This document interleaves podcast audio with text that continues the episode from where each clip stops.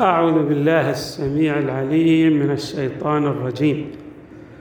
بسم الله الرحمن الرحيم والحمد لله رب العالمين. والصلاة والسلام على أشرف الخلق سيدنا ونبينا محمد وآله أجمعين الطيبين الطاهرين.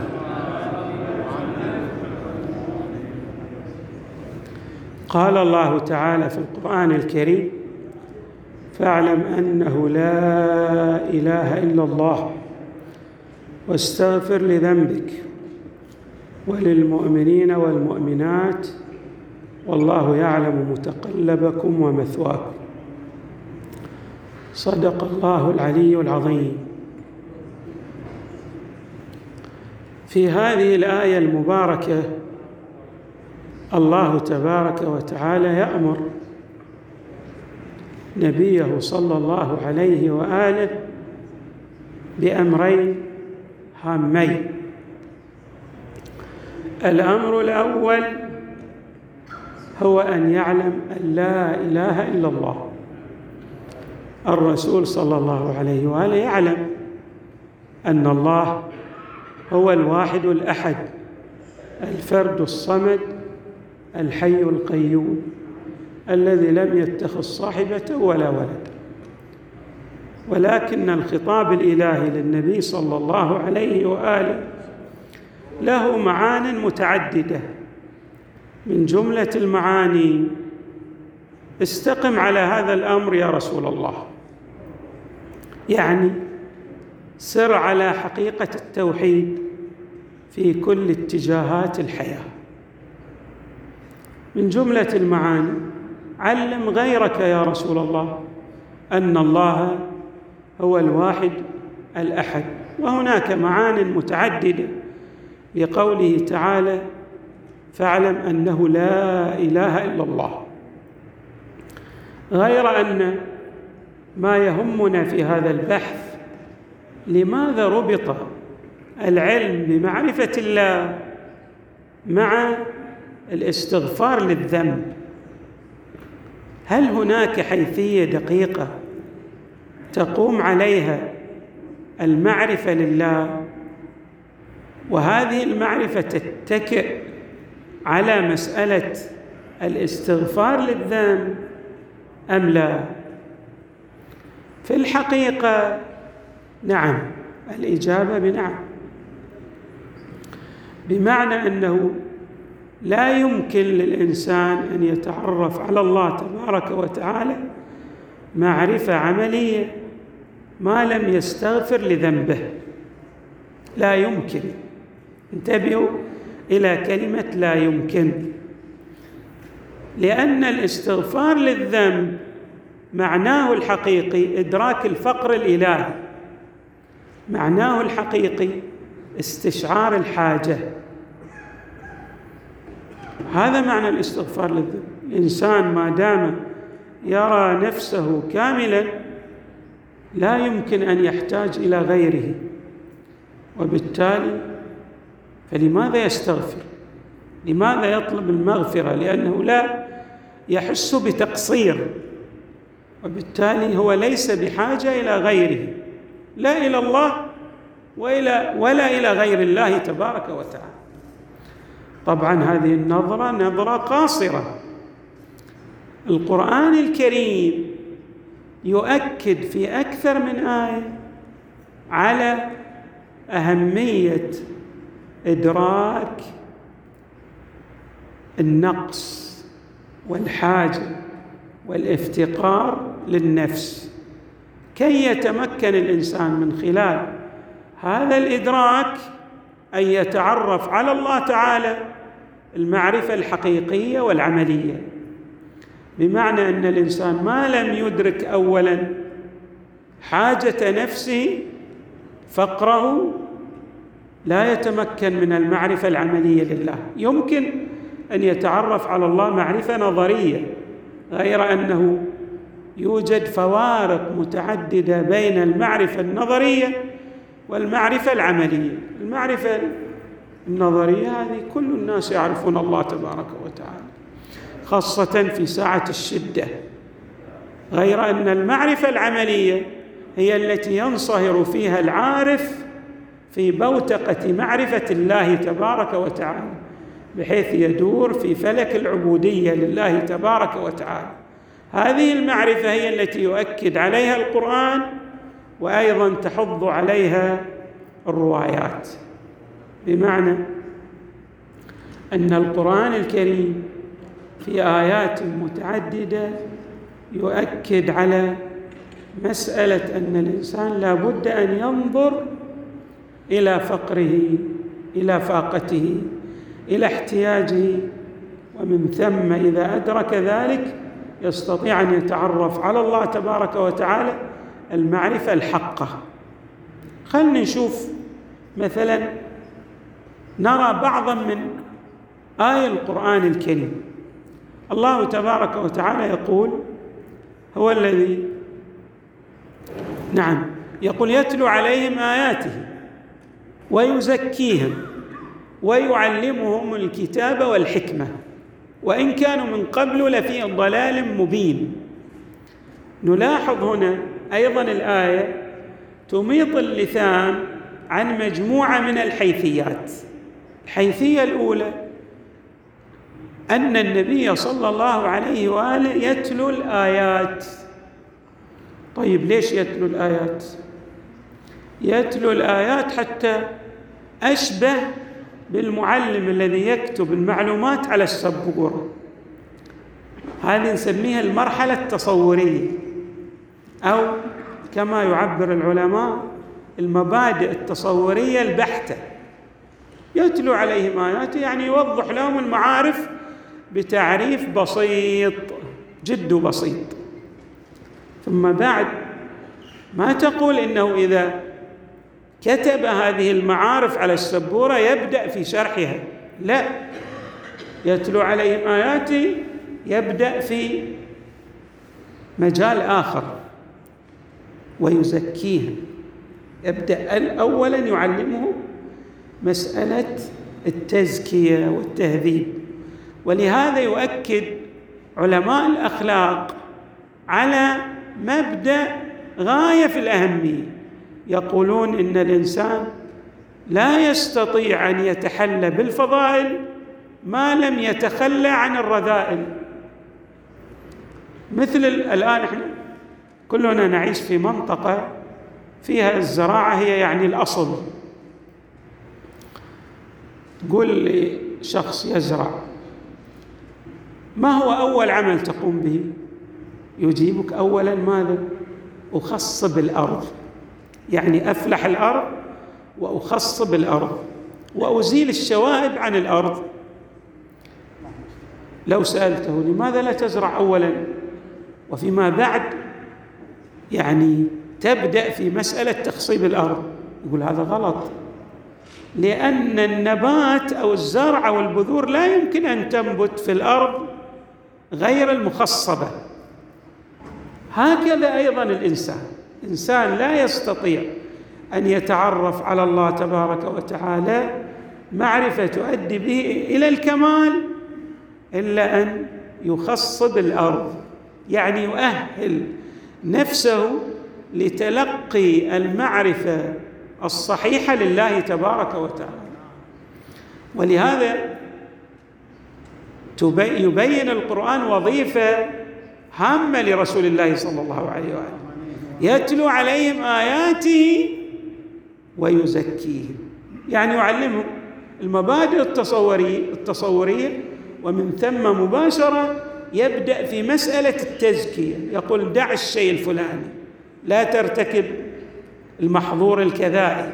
يعني ينهى المكلف عن مجموعة من المحظورات وفيما بعد يعطيه المعارف العملية التي تؤدي به إلى السعادة والخير في دنياه وأخراه. طيب إذا كان الأمر كذلك يعني من أراد أن يتعرف على الله بالمعرفة الحقيقية لا بد أن يعرف فقره فاقته احتياجه. وبالنسبة لنا لغير المعصوم لابد أن يعرف أنه مذنب مقصر. ومن ثم يتلافى تقصيره بمد يد الحاجة إلى الله يقول له يا إلهي أنا أطلب أن تغنيني بغناك. تسد فقري وحاجتي بكمالك. والله تبارك وتعالى يعطيه الفيض. يعني إذا سأل الله بلسان فطرته أنه مفتاق إلى رحمته وإلى عطائه وإلى كماله الله تبارك وتعالى كما يقول العلماء لا بخل في ساحة ذاته. سوف يغدق عليه من كرمه ويفيض عليه من جوده. اذا هذا هو المقام الأول لمعرفة الله. بعد أن يتعرف الإنسان على فقره وفاقته أيضا يحتاج في مرتبة ثانية كي يضع القاعدة اللي إحنا نقولها الآن في تعبيرنا الحديث يعني البيسك يعني الأساسيات. الأساسيات. شلون يضع الأساسيات؟ الأساس الثاني بعد معرفته لنفسه بعد معرفته لفقره أن يتعرف على نفسه. ولهذا نجد مثلا طائفة من الروايات تؤكد على مسألة أن الإنسان يتعرف على نفسه اولا. لماذا؟ تطلب الروايات أن نتعرف على نفوسنا اولا. لأن معرفة الله تبارك وتعالى ترتبط ارتباطا جذريا وحقيقيا بمعرفة النفس. والإنسان ما لم يتعرف على نفسه الفلاسفة والحكماء يقولون لا يعرف الله. ما يعرف الله. قلنا طبعا معرفة الله للجميع بس نسميها المعرفة الساذجة البسيطة. النظرية. ونحن نتكلم في معرفة أعمق معرفة عملية تؤهل الإنسان للسعادة أو توصل الإنسان إلى ما نعبر عنه بشاطئ الأمان وساحل النجاة يتأهل به للفوز برضوان الله تبارك وتعالى. اذا لاحظوا مثلا الإمام أمير المؤمنين عليه السلام يقول من عرف نفسه عرف ربه. اللي يتعرف على نفسه لا بد أن يتعرف على الله تبارك. وكأن هناك تلازم قهري لا ينفك أحدهما عن الآخر. ارتباط بين معرفة النفس ومعرفة الله. والنبي صلى الله عليه وآله يقول يعني له كلمة مضمونها كلما أوغل الإنسان في معرفته لنفسه ازداد عرفانا لله. يعني أصبحت معرفته الكامله بالله أعظم. عنه صلى الله عليه وآله أعرفكم بنفسي أعرفكم بربه. بل أيضا هناك رواية تقول معرفة النفس هي أعظم المعرفتين أشرف المعرفتين. عندنا أي معرفتين عندنا معرفة يسميها العلماء معرفة آفاقية. يعني من خلال المفردات الكونية. نتأمل في الأشياء ومن ثم نتعرف على الله من خلال إدراكنا للربط الوثيق بين الممكن والواجب تبارك وتعالى أو بين الفقير والغني أو بين الكامل والناقص. وعندنا معرفة أفضل أشرف أعمق وهي أن اللي يسميها العلماء بالآيات الأنفسية. سنريهم آياتنا في الآفاق وفي أنفسهم حتى يتبين لهم أنه الحق. أولم يكفي بربك أنه على كل شيء شهيد؟ الآية تشير إلى معرفة ثانية غير المعرفة الآفاقية وهي معرفة الإنسان لنفسه. الأئمة عليهم السلام بالخصوص الإمام أمير المؤمنين عليه السلام الذي أولى هو والإمام الرضا جانب المعرفة لله تبارك وتعالى أكثر من بقية الأئمة. اذا لاحظ الروايات والكلمات الواردة عن إمامنا أمير المؤمنين وعن إمامنا الرضا نجد أنهم يعني أعطوا آه، مساحة أوسع من بقية الأئمة لمسألة معرفة الله تبارك وتعالى يعني ما ورد عنهم من الأحاديث أكثره في معرفة الله. إذا صح التعبير إمام من المؤمنين يعني آه، أيضا أبان جوانب متعددة ولكن إذا تلاحظون هناك كم هائل من كلماته وخطبه وأقواله وأفعاله كلها ترتبط بمعرفه الله تبارك وتعالى وهكذا الحال بالنسبة لإمامنا الرضا عليه السلام. الإمام أمير المؤمنين يقول المعرفة الأنفسية أو معرفة الإنسان لنفسه أفضل أعظم أكمل المعرفتين ليش أكمل؟ الإنسان الواسطة بينه وبين المعرفة كلما تضاءلت. كلما صغرت يعني مرة أنا أريد مثلا أن أتعرف على هذا المسجد من خلال يعني مو النظرة المباشرة للمسجد وإنما الأوصاف التي ألاحظها. أو ألحظ مثلا مساجد أخرى ويقال لي إن تلكم المساجد تلك المساجد تشبه هذا المسجد. وأتعرف على هذا المسجد من خلال المساجد الأخرى. ومرة لا أنا أجي بنفسي وأنظر إلى هذا المسجد وأتأمل فيه وأتعرف عليه مباشرة. أي المعرفتين أقرب؟ المعرفه إن أجي بشكل مباشر. معرفة الإنسان لنفسه بالحقيقة هي معرفة قريبة جد قريبة من معرفة الله. لأن الإنسان كلما أوغل في معرفة نفسه أدرك الحاجة والفقر والفاقه وأدرك والضعف وما إلى ذلك من الأمور. وبالتالي يجد أن هذه النفس التي تحتوي على مجالات متعددة من العظمة وفي نفس الوقت هي في غاية الفقر والحاجة.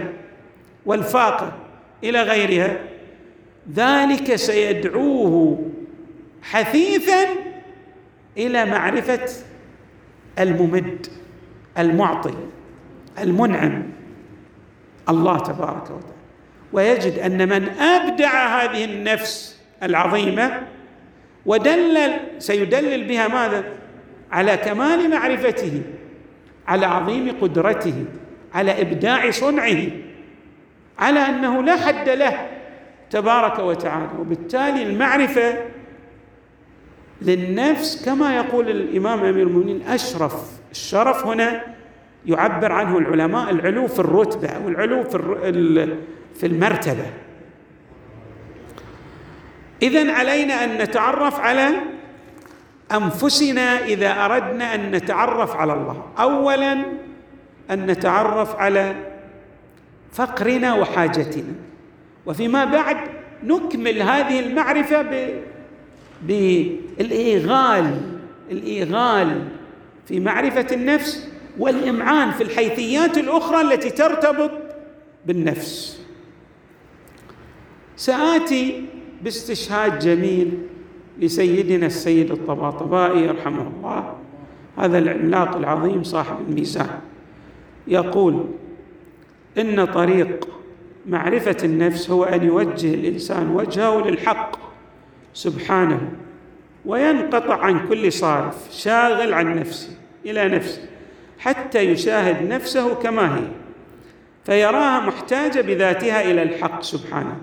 وما هذا شأنه؟ لا تنفك مشاهدته عن مشاهدة مبدعه مقومه. فإذا شاهد الحق سبحانه عرفه معرفة ضرورية بديهية يعني وصل إلى مرحلة من الإطمئنان واليقين أن من أبدع هذه النفس الفقيرة المحتاجة ذات الكمالات العظيمة لا بد أن يكون ماذا؟ يعني في كماله لا يتناهى وهو الله تبارك وتعالى. ولذلك يقول ثم عرف نفسه آه، شاهد الحق سبحانه عرفه معرفة ضرورية ثم عرف نفسه به به حقيقة يعني عرف نفسه بالله تبارك وتعالى لكونها قائمة بالله لا وجود لها إلا بالله وهذا معنى الحوقله فإذا شاهد ربه عرفه وعرف نفسه وكل شيء يعني ويعرف الأشياء أيضا بالله تبارك وتعالى ولعله لهذا قيل أن من عرف نفسه فقد دل ذلك منه على أنه عرف ربه من قبل. يعني أن معرفة النفس تستلزم استلزاما قهريا لا ينفك كما عبرنا بادئ ذي بدء إلى معرفة الله. والعكس من ذلك. إحنا الآن إذا نشوف إنسان عنده شك في الله تبارك وتعالى. وأردنا نبحث عن مبادئ هذا الشك في الله. للشك مبادئ متعددة ولكن من أهم الحجب التي تحجب الإنسان عن معرفة الله هو أن يرى نفسه عظيما. يعني لا يحتقر نفسه لا يرى نفسه عبدا لله. من أهم الحجب الذنوب. لأن الذنوب هي خروج عن قانون العبودية لله تبارك وتعالى. بالتالي الذنوب ستمنع هذا الإنسان عن معرفته لله. لهذا الروايات تؤكد. إحنا الان تلونا الآية يتلو عليهم اياته ويزكيهم ويعلمهم الكتاب والحكمة. الروايات فيها كم هائل يشير إلى البعد عن معرفة الله لمن طغى لمن تكبر لمن أذنب لمن جانب الصواب. يعني كل هذا الروايات تجعله مانعا عن معرفة الله تبارك وتعالى.